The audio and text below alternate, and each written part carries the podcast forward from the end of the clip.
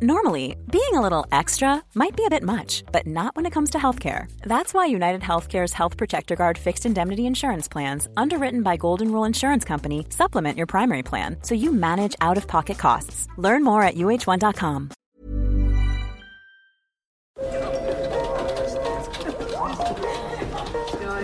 Dette er lyden av norsk næringsliv. Akkurat nå tas det små og store valg som kan bli avgjørende for fremtiden. Med økonomisystemet X-Leger tas disse beslutningene basert på informasjon i sanntid, slik at drømmer og ambisjoner kan bli virkelighet. Få kontroll og oversikt, gå inn på xledger.no. Denne sendingen er sponset av Xleger.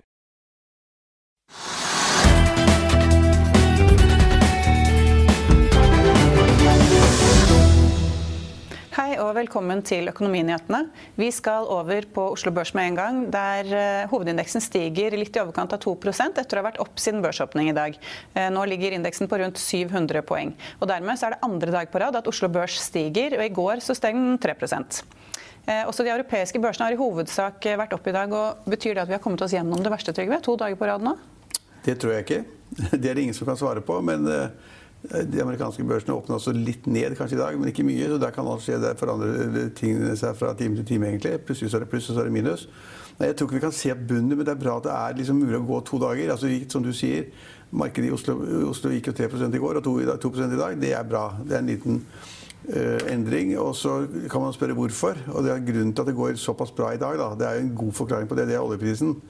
Fordi at oljeprisen, eh, som da var nede i går på 22 dollar fatet på brentoljen 22 er veldig lavt. Og så har vi fått en ny oljepris nå, men senere levering sannsynligvis. Eh, så det er ikke samme måletidspunktet. Men i dag er oljeprisen oppe i 27 dollar per fat. Det er en kjempeforskjell fra i går. Og det ser vi også da på de to eh, oljeaksjene, altså Equinor og Aker BP, som da er korrelert på oljeprisen. Og de er opp rundt 8% begge to. Det drar Oslo Børs. Så det er positivt, men det henger jo sammen med oljeprisen. Hvis oljeprisen skulle falle tilbake igjen, så vil vi også se at eh, Equinor og Aker BP sannsynligvis faller med det. Og da er vi tilbake til utgangspunktet. Ja, for Oljeprisen gjorde et voldsomt byks da, fra sånn litt under 23 til eh, rundt 27 dollar fatet nå i formiddag. Eh, hva var det som gjorde det? Nå har ikke fulgt med, men Vi tipper at det er annet, annet månedsforfall. Enten forfaller av oljen i mai istedenfor april, eller april istedenfor mars, eller et eller annet sånt. Så Det er et annet forfallstidspunkt. Det er ikke slik at oljen går fem dollar i løpet av én dag uten at det er en bakenforliggende årsak. Det tror jeg ikke noe på. Så jeg glemte å sjekke det før jeg gikk i studio. Men det er sannsynligvis et annet forfallstidspunkt og senere tidspunkt. og Da ligger man da forventninger om et høyere oljepris, og da får man høyere oljepris da.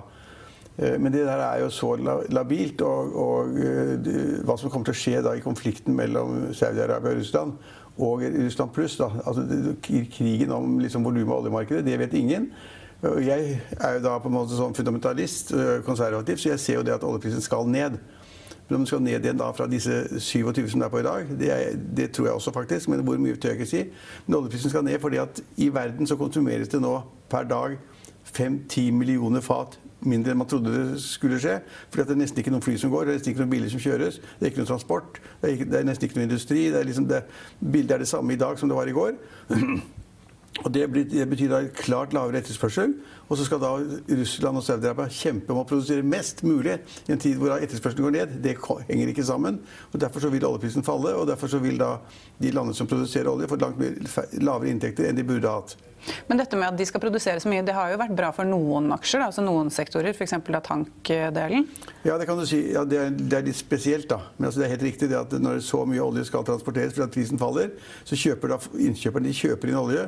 Men de har ikke kjøpt den for å bruke olje nå, for det viser seg at det er såpass mye olje som produseres i verden at det er ikke etterspørsel etter for å bruke den nå. Og dermed så har da spekulantene eller traderne de kjøper da olje for å lagre det i tankskip, de største tankskipene i verden. Eh, og noen har sagt, det sa jeg i går, at, eh, at, etter hvert over ganske kort tid vil det være 150 skip som tjener som lagerplass. Og det, det, er klart at Når du da tar olje ut av traden og lager tankskip til om til lagerplass, så blir det færre skip i traden. Og da får, har ratene fått seg en kjempebyks. Så ratene på stortank har vært oppe i 200 000 dollar per dag. Det er veldig mye. For kostnader ligger kanskje på 15 000-20 000 dollar per dag. Så, så ting henger sammen. Men Frontline var jo da veldig mye opp i går, for eksempel, da, som et av disse selskapene. Alle, alle sammen var opp i men, går. men i går, nei, i dag så faller det jo tilbake igjen. Ja, det tipper jeg rent som profit-taking. Det er noen som har det er kjempegøy. Har en del, ikke så veldig mye kanskje, en del penger i Frontline, eller de tre-fire andre store tankrederne vi har. Også da Hunter, som da kontrolleres av Arne Fredelig. Og så er det noen som har vært med og syntes det er kjempegøy, og det gikk så mye, såpass mye opp i går, i går, og dagene før. Og så selger de nå og tar en liten profit. Så Frontline har vært ned 7-8% i dag uten at det kan si noe om markedet. Det er så mange tradere i den aksjen som har det gøy, og det, det lærer man masse av. Men, men, men uh, det, i, morgen kan det, i morgen kan det godt tenkes at frontlønn som er ned 7 i dag, er opp 10 i morgen. Helt umulig å følge med på. Men siden eh, da eh, oljeprisen har steget til 27 dollar, sannsynligvis med en litt senere levering, så betyr jo det at man tror at verden, eller i hvert fall at økonomien skal bedre seg litt, at etterspørselen skal bli litt bedre på sikt? Ja, noen tror det, men det er så langt frem. Hvis det er sant, eller hvis det er i nærheten av sant, det som jeg, når jeg bruker tommelfingerregelen, at det er liksom istedenfor før, da, hvor man sa det at det er en etterspørsel i verden på 100 millioner fat olje hver dag. Og så har man diskutert om en nedgang på 200 000 fat eller oppgang på 300 000 fat, hva det vil bety for da, pri, pri, oljeprisen. Nå er det snakk om da 5 eller 10 millioner fat færre eh, på etterspørselssiden. Og det er så mye at det klarer ikke å korrigere på kort eller mellomlang sikt. Det er et langsiktig perspektiv. Det er helt umulig. Hvis, for, få, for det første så må du få alle flyene i verden opp i luften.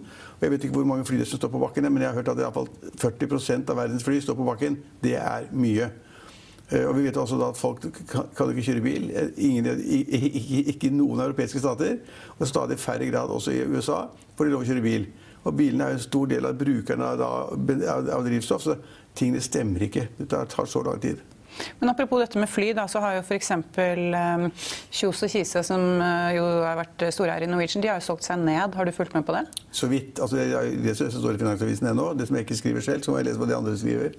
Og nå kommer det melding om at de har solgt enda mer. så de, altså Det ser ut som de har gitt opp. Det ser ut som de nå redder pensjonspengene sine og selger så mye aksjer de kan. Og da Kursen har vært ned og er 80 kroner.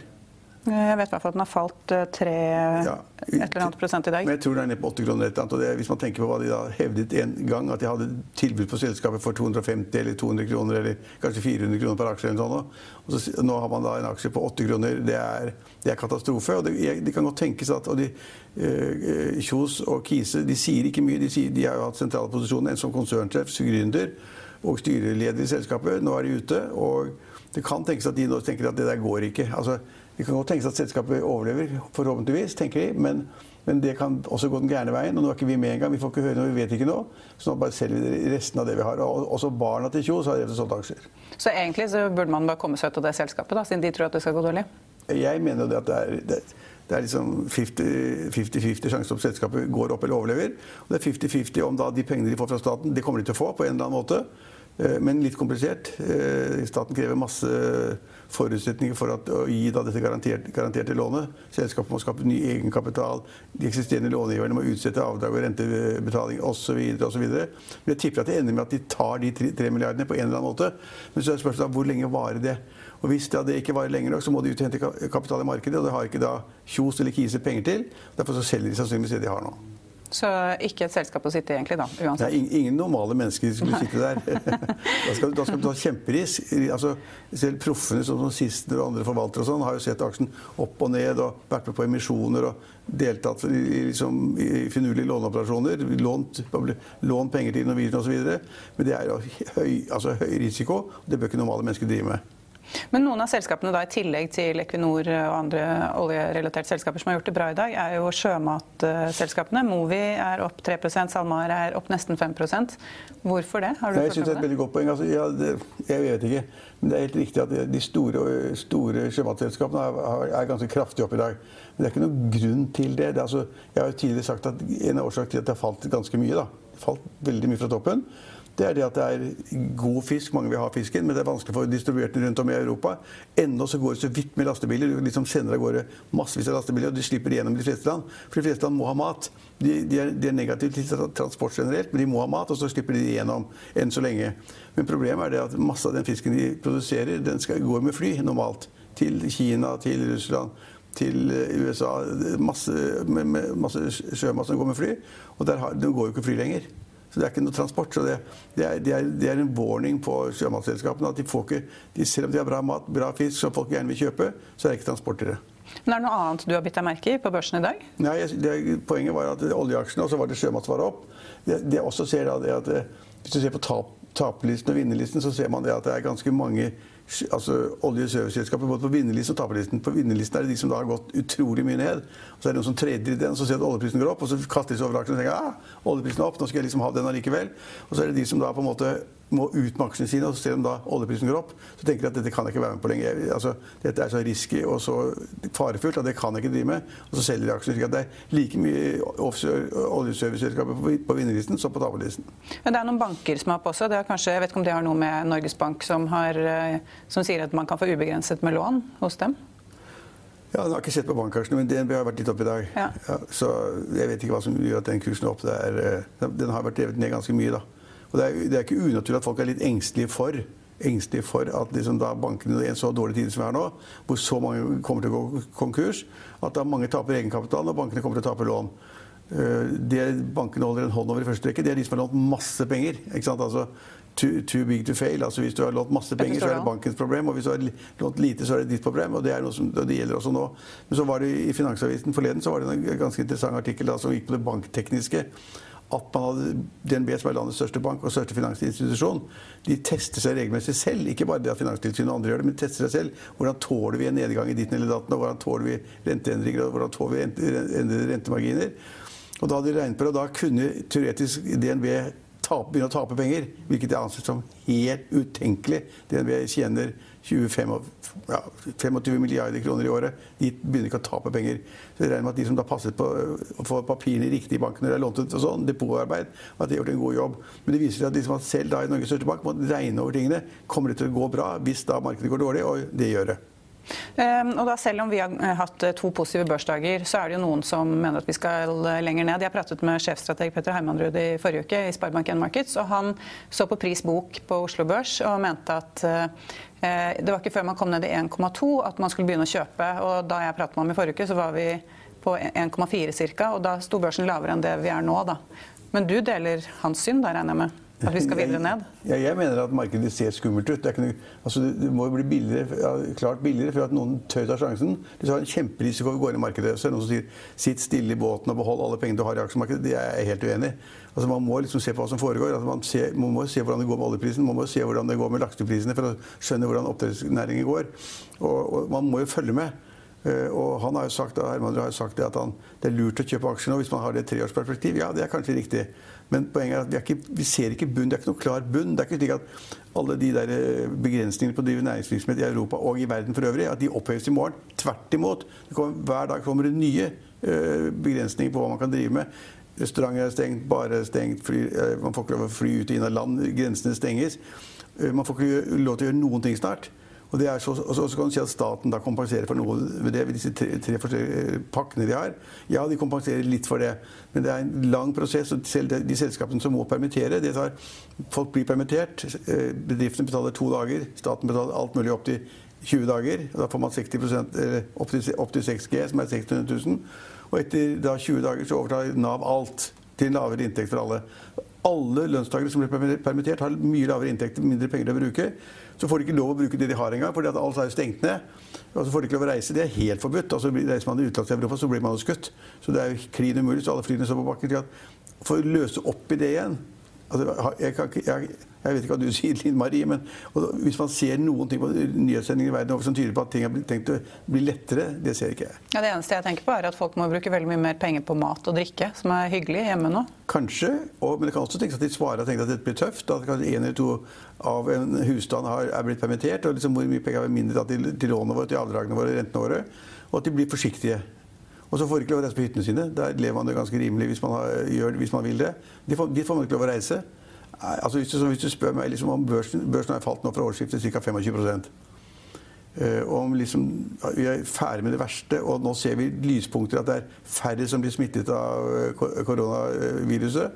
Uh, færre som blir innlagt, færre som ligger i respirator. Det er ikke det vi ser. Hver dag er det flere som blir innlagt, og flere, som ligger i respirator. Og I USA så går jo tallene rett i himmel, så det er jo skrekkelig fordi meldingene fra USA kommer til å bli spredd over verden i hver eneste nyhetssending hver dag fremover. Og så kan det godt tenkes at det blir bitte litt bedre i Italia. Kan hende at det blir litt bedre i Spania, tror jeg ikke noe på. Så kan det hende at det blir bitte litt bedre i Norge, det tror jeg på. Eh, men å se et skifte, at folk kan begynne å reise igjen, begynne å liksom besøke andre land i Europa, begynne å, å, å kjøpe tjenester fra de små altså Klippe håret. Har du klippet håret i det siste? Nei, dessverre. Nei, ikke jeg. Altså, jeg ser jeg har sånn, jeg kaller raggesokk i nakken. Hvordan skal jeg få bort tenna? Jeg kommer ikke bort før til jul, og da, da vet jeg ikke hvordan det ser ut. Men, eh, så du tror ikke at det åpner opp med det første, da? Nei. Men, men, det kan jo åpne opp i bare Norge? Altså, jeg håper jo ja, at det skal absolutt. bli bedre etter påske. Ja, det, det, de kan åpne opp i Norge, men da må, da, da må våre myndigheter, som er ganske sånn forsiktige, altså Helsedirektoratet og, og, og, de andre fagmiljøene, de er forsiktige. Så hvis de ser at det går bedre, så vil de tenke ah, da virker, det virker det vi har sagt. De virker å ha stengt skolene, de virker å ha stengt barnehagene, de virker å ha stengt barne- og restaurantene. Og folk går én meter fra hverandre, og de sitter to, to meter fra hverandre osv. Det virker. Og da er ikke det første de gjør å si at ah, vi letter opp, vi lar det bli bedre. Det kan tenkes at de letter opp, at det åpner opp for skolen igjen. Det er bra for de foreldre som gjerne vil se ungene i skolen, så kan de jobbe i fred. Eh, men de vil ikke gjøre det fort og mye, for de vil tenke at nå har vi vært heldige, kanskje dyktige, og så må de se hvordan det går, og så går tida. Da går april, og da er vi inne i mai. Men sånn som for Stein Lier Hansen i Norsk Industri, han mener at de må åpne barnehager igjen. For eksempel. Fordi folk som jobber i industrien, de kommer seg jo ikke på jobb. De kan jo ikke ha hjemmekontor. Nei.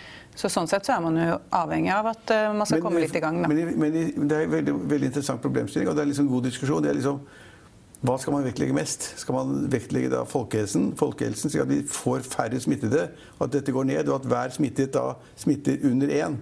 Da blir det færre smittede, og da har man måttet oppnådd å bli kvitt eh, hele viruset. Hvis, ja, det, er motsetningen. Det skal ikke være 1,3, det skal ikke være 1,4, men det skal være under 1. Uh, og, og myndighetene ville jobbe mot det. Og da, og da å komme frem til at det er blitt lavere, det Ja. Men eh, på Facebook så har det dukket opp en del grupper som diskuterer sånn om man har tatt Jo, det skulle svare, det skulle svare på, Poenget er at i avveiningen ja. Mellom da på en måte at næringslivet går dårlig, at folk mister jobben, og at man tror på at det blir færre smittede, så velger våre myndigheter da å få ned antall smittede. Ja, for det var det jeg skulle si. At uh, På Facebook så har det dukket opp en del grupper med folk som diskuterer om tiltakene fra myndighetene er for strenge, og om man på en måte altså om man burde, burde, løsne litt for å få økonomien i gang igjen. Da. Ja, Men, men vi er ikke der. Nei, men Myndighetene de tar jo helt tydelig De setter menneskeliv før økonomien. Men ja. hva syns du? Jeg synes Det er kjempevanskelig spørsmål. Det er gamle regnestykker som da, i sin tid da jeg var forsker ved Transportøkonomisk institutt, så regnet man på ulykker og ulykkeskostnader, hvor, hvor samfunnsnytte var det med en vei og midtdeler og alt sånt som hadde med greier. Og da hadde man jo tall for hva da et, et livsår kostet osv.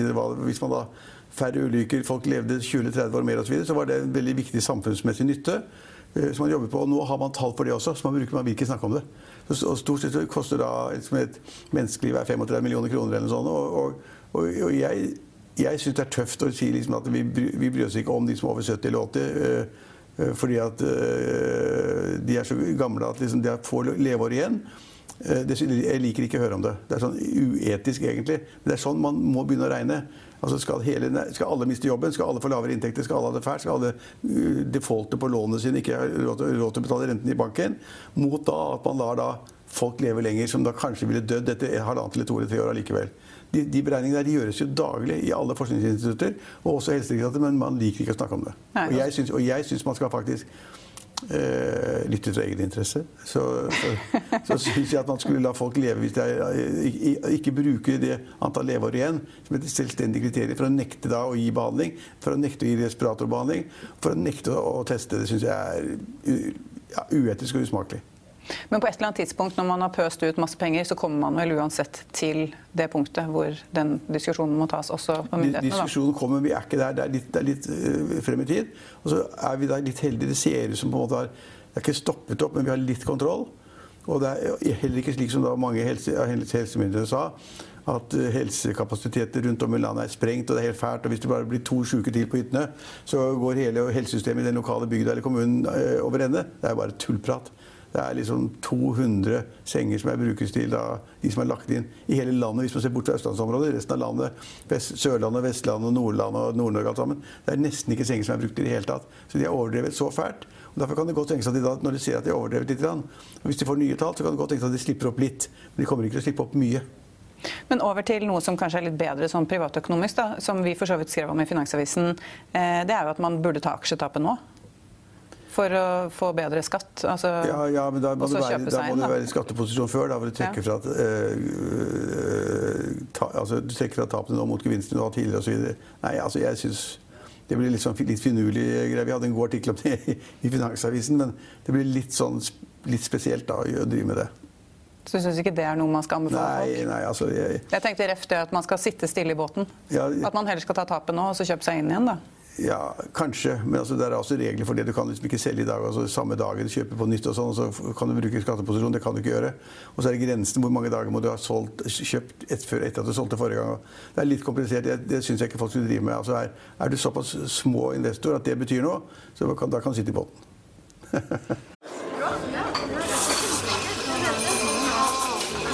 Dette er lyden av norsk næringsliv. Akkurat nå tas det små og store valg som kan bli avgjørende for fremtiden. Med økonomisystemet X-Leger tas disse beslutningene basert på informasjon i samtid, slik at drømmer og ambisjoner kan bli virkelighet. Få kontroll og oversikt, gå inn på xledger.no. Denne episoden er sponset av van Brun, en fremtredende smykkeforhandler kjent for sitt brede utvalg av forlovelsesringer, gifteringer og diamantsmykker som bæres og elskes i generasjoner. Et frieri er en av de største øyeblikkene i livet, hvor forlovelsesringen er et tidløst symbol på kjærligheten. Valg av ring krever omtanke for både hvilket metall og diamant, med et bredt spekter av både naturlige og labdyrkede diamanter, og metaller som platina, gult gull, hvitt gull og roségull, hjelper de deg med å sette et personlig preg på din kjærlighetshistorie. Van Brun vil gjerne invitere deg til å prøve på tre av dine favorittringer fra nettsiden helt kostnadsfritt. Du kan også låne et bredt spekter av frieriringer, slik at du og din forlovede kan velge en ring sammen etter det store ja. Van Brun tilbyr 90 dagers åpent kjøp og 90 dagers gratis størrelsesjustering. Utforsk deres eksklusive sortiment i luksuriøse omgivelser. Bok en konsultasjon sammen med en diamantekspert i deres showroom i Oslo. Eller online på vanbrun.com. V-a-n-b-r-u-u-n.com. Og da, eh, selv om oljeprisen har steget i dag, så tror ikke Jarand Rysta i Rysta Energy at nedturen er over. Han frykter et kraftig oljeprisfall. Eh, Jaran Rystad, vi er eh, i svært volatile tider når det kommer til oljeprisen. Eh, litt om situasjonen slik vi har sett de siste dagene. Ja, er, eh, Situasjonen er nå en situasjon vi aldri har hatt før i verden. Eh, vi har sett et enormt bortfall av etterspørsel. Kanskje 15 millioner fat, kanskje 20 millioner fat. Eh, av oljeetterspørsel. Altså, oljen brukes jo til å bevege mennesker rundt omkring i verden, enten med fly eller med bil.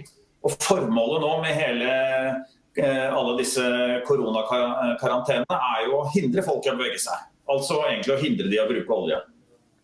Ja, og, og, denne helgen så hadde vi et kraftig fall videre ned i oljeprisen. Du har sagt at ikke det er utenkelig at vi kan se oljepriser ned på ti dollar fatet. Hvor langt er vi unna et sånt scenario slik du ser det akkurat nå? Ja, altså Det som har skjedd nå, er jo at det er altfor mye olje i verden, eh, slik at lagrene går helt fulle. Eh, og Etter hvert nå så kommer det til å bli problem å bli kvitt oljen. Eh, slik at Oljeprisen kan bare fortsette nedover og nedover. Den kan fortsette til 10 dollar, og den kan fortsette ned til 0 dollar i en kort periode. For det tar tid å få stengt av kranene og få stengt av alle ventilene bakover. Eh, og, og, da kan man ende opp i en situasjon hvor folk rett og slett ikke finner noen takere av oljen sin. Vi ser at alle produktlagrene med bensin og diesel, mange raffinerier har nå helt fulle produktlagre. Så de er nødt til å stenge inn raffineriet nå. Nei, ja, vi har sett at flere har tatt ut uh, raffineriene sine i vedlikehold allerede. Så oljeprisen kan gå ekstremt lavt i en kort periode. Så vil den gå noe opp igjen når man får stengt av og får, får den nye balansen. Og så, når etterspørselen kommer tilbake igjen om halvannet-to år, så er det alt, eh, plutselig altfor lite olje i markedet. Og da vil oljeprisen gå kjempehøyt igjen. Ja, Hvis vi ser på forward-prisen Vi hadde Trond Omdal på morgensendingen. Han pekte på at forward-prisene bare i desember lå på 38 dollar fatet, mens vi, mens vi nå i dag har sett 22-23 dollar for brentoljen. Eh, ja. Betyr det at eh, oljemarkedet forventer at man skal få eh, en gjeninnhenting i andre halvår? Ja, det betyr det. Men uh, likevel så er det for liten differanse der til at det lønner seg f.eks. å leie tankskip og uh, lagre oljen der. Uh, da må du ha tankrater på 50 000-60 000 dollar om dagen. Og nå har du mye høyere tankrater enn det, i hvert fall noen av de slutningene jeg har sett. Så vi kommer til å gå fulle, og oljemarkedet forventer at det skal tas opp igjen. Jeg tror kanskje at innen året er slutt, er kanskje litt tidlig. Jeg tror det begynner å gå på allerede da, men for da vil man begynne å ane denne store mangelen på olje som kommer til å komme når vi sier slutten av 2021, starten av 2022. Ja, så Det betyr at vi mest sannsynlig må belage oss på svært lave oljepriser og i hvert fall volatilitet de kommende månedene. Men, men så hører vi at Russland og, og USA er i samtaler. altså Shale-industrien i USA, kan, hvordan ser bildet ut der? Kan De prisene vi har nå er vel langt nær bærekraftig for de produsentene vi vet fra USA? Nei, men 75% av produsentene eller av produksjonen i USA fra de uavhengige selskapene er allerede hedget, altså er allerede solgt på attraktive priser 50-60 dollar. Så mange av disse produsentene vil klare å gjøre det, og vil klare seg eh, gjennom denne situasjonen, i hvert fall hvis det ikke blir altfor langvarige. Eh, og, eh, eh, så Problemet blir å finne fysisk eh, plassering av, eh, av oljen for, for, disse volumene. fordi at Nå går etterspørselen innad i USA kraftig ned. Og da er det mange steder i USA som er såkalt landlocked. De har ikke tilgang til i hvert fall ikke nok kapasitet for å få, eh, for å få oljen ut til eh, de store internasjonale havnene. Eh, og, og, Da hoper det seg opp i lagrene, sånn som i Cushing og andre steder. Og til slutt så blir det stopp. Men eh, hvis, du, hvis, det ikke hadde skjedd, så selv om oljeprisen hadde gått til 10 dollar eller 5 dollar, så ville det fremdeles hatt ganske mye olje inn det neste halve året. Fordi at disse brønnene er allerede boret, komplettert men ikke enda satt i produksjon. Og mange av de er ikke frekket opp ennå heller. Og på marginen så trenger du 10-20 dollar eh, for å, eh, for å, gjøre det på de beste av de brønnene. Og mange ligger mellom 20 og 30 dollar. Altså det vi kaller dukker. Drilled uncompleted eh, wells. Og det er det fremdeles ganske mange av som venter på å komme i produksjon. Og som jeg sier, i og med at det er hedget, så har egentlig operatørene finansielt mulighet for dette her. Så hadde det ikke vært for at det blir fullt i lagrene, så ville mye av den amerikanske oljen kommet. Og Du sier at Russland og USA skal snakke sammen. Ja, men jeg tror både Russland, USA og OPEC de har egentlig ikke så mye å vinne på å snakke sammen. Fordi at det, nå, det vil bare skje automatisk nå at det er de som ikke får fysisk plassert oljen sin, som til slutt er nødt til å stenge ned. Og Man trenger ikke å bruke opp eh, å si, mye politisk eh, goodwill på egentlig å få en sånn enighet, for dette vil skje av seg selv uansett. Så hva er det dere, Jeg regner med at det er hektiske tider for dere i eh, Rystad Energy akkurat nå. Hva er det dere sitter og regner på av scenarioer, og, og, og, hvem er det som er mest eh, urolig av deres eh, kunder og klienter akkurat nå? Ja, altså Alle markedsestimater som ble laget for mer enn fire uker siden, er nå helt utdatert. Så klart det at vi har veldig mye å gjøre med å prøve å oppdatere dette bildet. Vi begynner faktisk på selve sykdommen. Vi har laget en kjempestor modell nå hvor vi tar inn alle verdens tall fra sykdommen fra over 200 land. Og Så prøver vi å ha en mening om hvor lenge sykdommen vil vare. Og Vi tror at dette vil kunne vare ganske lenge. Et halvt, eller I hvert fall et halvt år, ett år, kanskje halvannet år. Eh, for det at eh, Landene må prøve å styre dette slik at de ikke overbelaster sitt eget helsesystem. og Det vil være en høy prioritet. Og Derfor vil man ta kraftig ned all aktivitet for å hindre folk i å møte, eh, i møte for store grupper. Så det er der vi begynner. Og så ser vi jo nå på eh, oljeprisen selvfølgelig, og eh, hvem som kommer til å stenge ned først. Og Det er litt av puslespillet å, å, prøve å forstå det. Og så til slutt så ser vi at alle oljeservicemarkedene de forsvinner jo også helt. Fordi at eh, annet På plattformene så ønsker man å både begrense antall mennesker som er ute, pluss at man ønsker å ta ned kostnadene f.eks. i vedlikehold. En konsekvens av det er at, faktisk at vi ser en del av nordsjøfeltene faktisk produserer mer enn forventet. Fordi at de har kuttet ut eh, vedlikeholdene. Og Det så vi også i 2015 og 2016, at produksjonen faktisk ble høyere enn estimert produksjon pga. dette. Eh, men til slutt så er det også en eh, positiv mulighet her. for at det er klart at Sett på to-tre års sikt så er det enorme kjøpsmuligheter i dette markedet for de som har litt dype lommer og som klarer å sitte gjennom hele denne, denne krevende tiden for hele verden. Så vi har også faktisk en del prosjekter som er knyttet til at, eh, at folk ønsker å se på forretningsmuligheter i denne nedturen. Men Hvordan tror du oljeservicebransjen kommer til å se ut når vi er eh, over denne priskrigen eller dette voldsomme prispresset ned? Ja, for det første, altså, Jeg tror det er ikke priskrigen som driver dette ned, det er egentlig bare den fundamentale mangelen på etterspørsel. Men jeg tror Det var litt uheldig at man fikk priskrigen rett i forkant av koronapandemieksplosjonen. Ja, men jeg vil si at det gjør ikke så mye fra eller til. I at OPEC og Russland de, de slåss om de siste 1, 2, kanskje 3 millioner fat. Og det er nok vanligvis til å bevege prisen mye opp og ned. Men når vi nå snakker om 15-20 millioner fat som faller bort, så blir det egentlig bare en liten ting på toppen. Så vi hadde fått denne totale oljepriskollapsen uavhengig av hva egentlig OPEC eh, hadde gjort. De hadde ikke klart å, å, å, regulere dette markedet uansett. De ville aldri tatt på seg den store belastningen ved å kutte, når uansett resten av verden er nødt til å kutte. Så nå er plutselig alle tvunget til å kutte, eh, og, så de trenger egentlig ikke å, å ta på seg den, den byrden selv, OPEC-landene. Så, um, men hva har du spurt om? Oljeservicenæringen, eh, oljeservicebransjen, ja. vet, den har vært utfordrende de siste årene. Hvordan vil det bli etter at vi er ja. i koronakrisen? Ja, Etter koronakrisen er ferdig, vil det bli veldig bra. Men mange vil ikke ha overlevd til den tiden. Slik at uh, det er jo nå uh, om å gjøre å fryse kostnader. Om å gjøre å se at nå skal vi gå inn i hiet vårt i 12-18 måneder.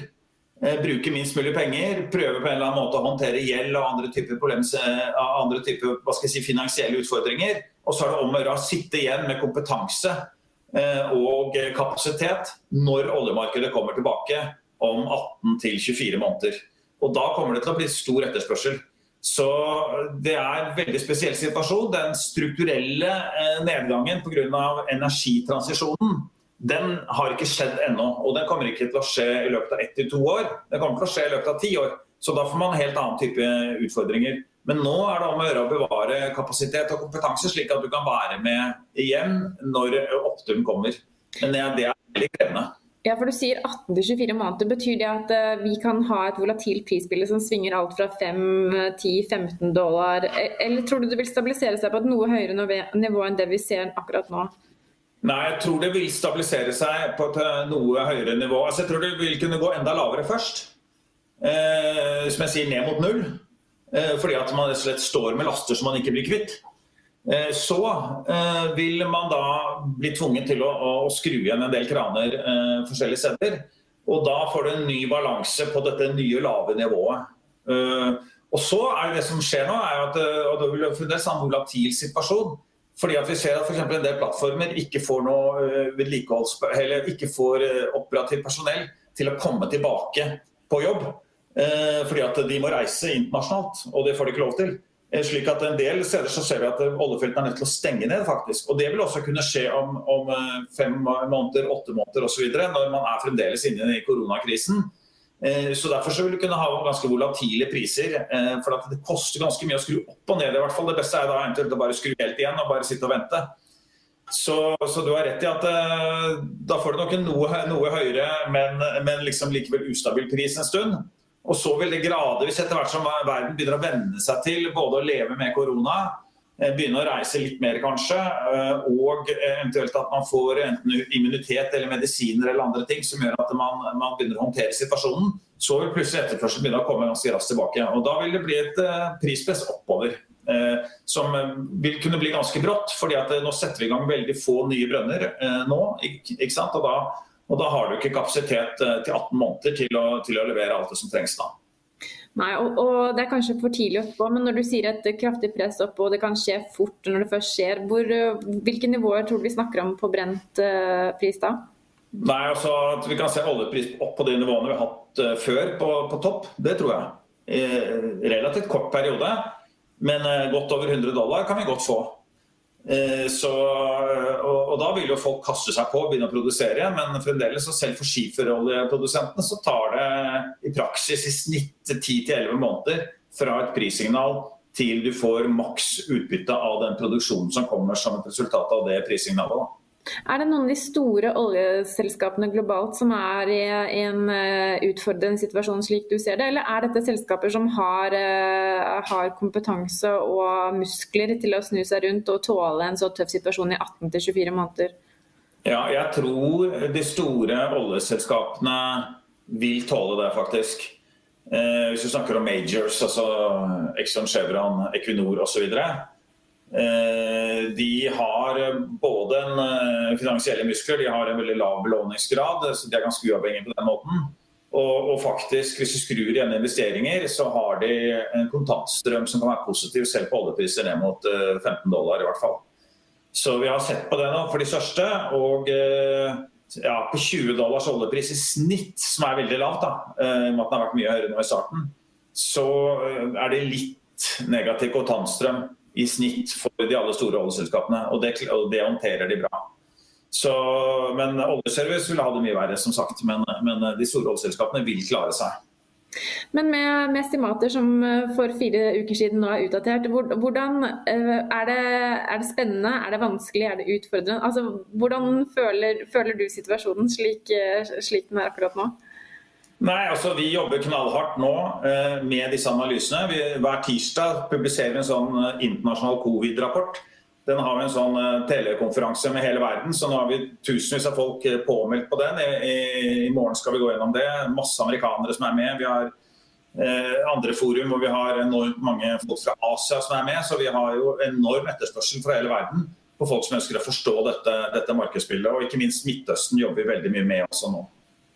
Så så vi, vi, føler virkelig på pulsen. og Vi har jo medarbeidere i, i, på 20 ulike lokalisasjoner. og Vi får ferske rapporter fra de hver morgen, hva som skjer i Kina, Japan osv. Så, videre. så det er veldig spennende. så Vi føler jo virkelig verden på pulsen. Men det er jo selvfølgelig en alvorlig og, og tragisk situasjon mange steder også. Men, eh, men, eh, jeg føler i hvert fall at det at vi nå er eh, verdensomspennende, har vært veldig nyttig for oss i denne situasjonen for å få et riktig bilde av det, og også for å få informasjonen vår ut til egentlig kunder over hele verden. Men når denne korona, når vi begynte å forstå alvoret i korona, var det, var det, reelt å tenke at vi skulle være ned på nesten 20 dollar, på Brentollen så raskt? Eller jeg tror at dette her har gradvis uh, gått opp for oss også. Uh, men, men jeg må innrømme det første estimatet vi hadde første uken i mars, så sa vi at det kunne bli 15 millioner fat bortfall i en kunderapport vi da hadde. Så var vi litt mer forsiktige i den offentlige kommunikasjonen. Så klart at når du ser hvor drastiske tiltak som må gjøres for å, for å begrense, altså for å få til dette med sosial distanse, så, så sier det seg selv at, eh, at, det kommer til å gå enormt hardt utover oljeetterspørselen. Ja. Så vi må forberede oss på et uh, tøft 2020, men det kan se lysere ut i 2021 hvis uh, estimatene slår til? Ja, ja, det kan det. Og uh, hvis vaksinen kommer innen 18 måneder, så vil det kunne være det som også redder oss ut av denne situasjonen. Eh, hvis ikke så vil det fortsette å bli stadig ny smitteoppblomstring opp og ned, og vi må holde en veldig lav aktivitet. Eh. Og da har vi kommet til slutten av dagens sending. Vi er tilbake i morgen klokken 10 og klokken 15.30. Vi ses da.